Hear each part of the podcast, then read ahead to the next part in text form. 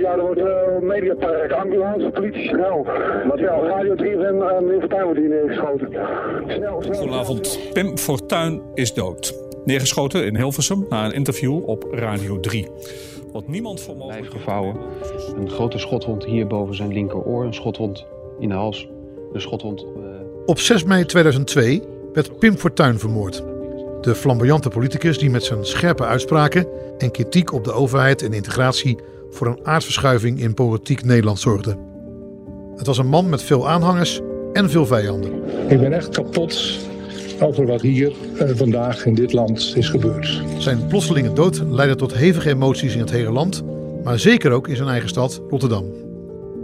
Ik ben Paul van den Bos, hoofdredacteur van onder andere AD Rotterdams Dagblad. En samen met collega Peter Groenendijk spreek ik met verschillende Rotterdammers over het fenomeen Fortuin.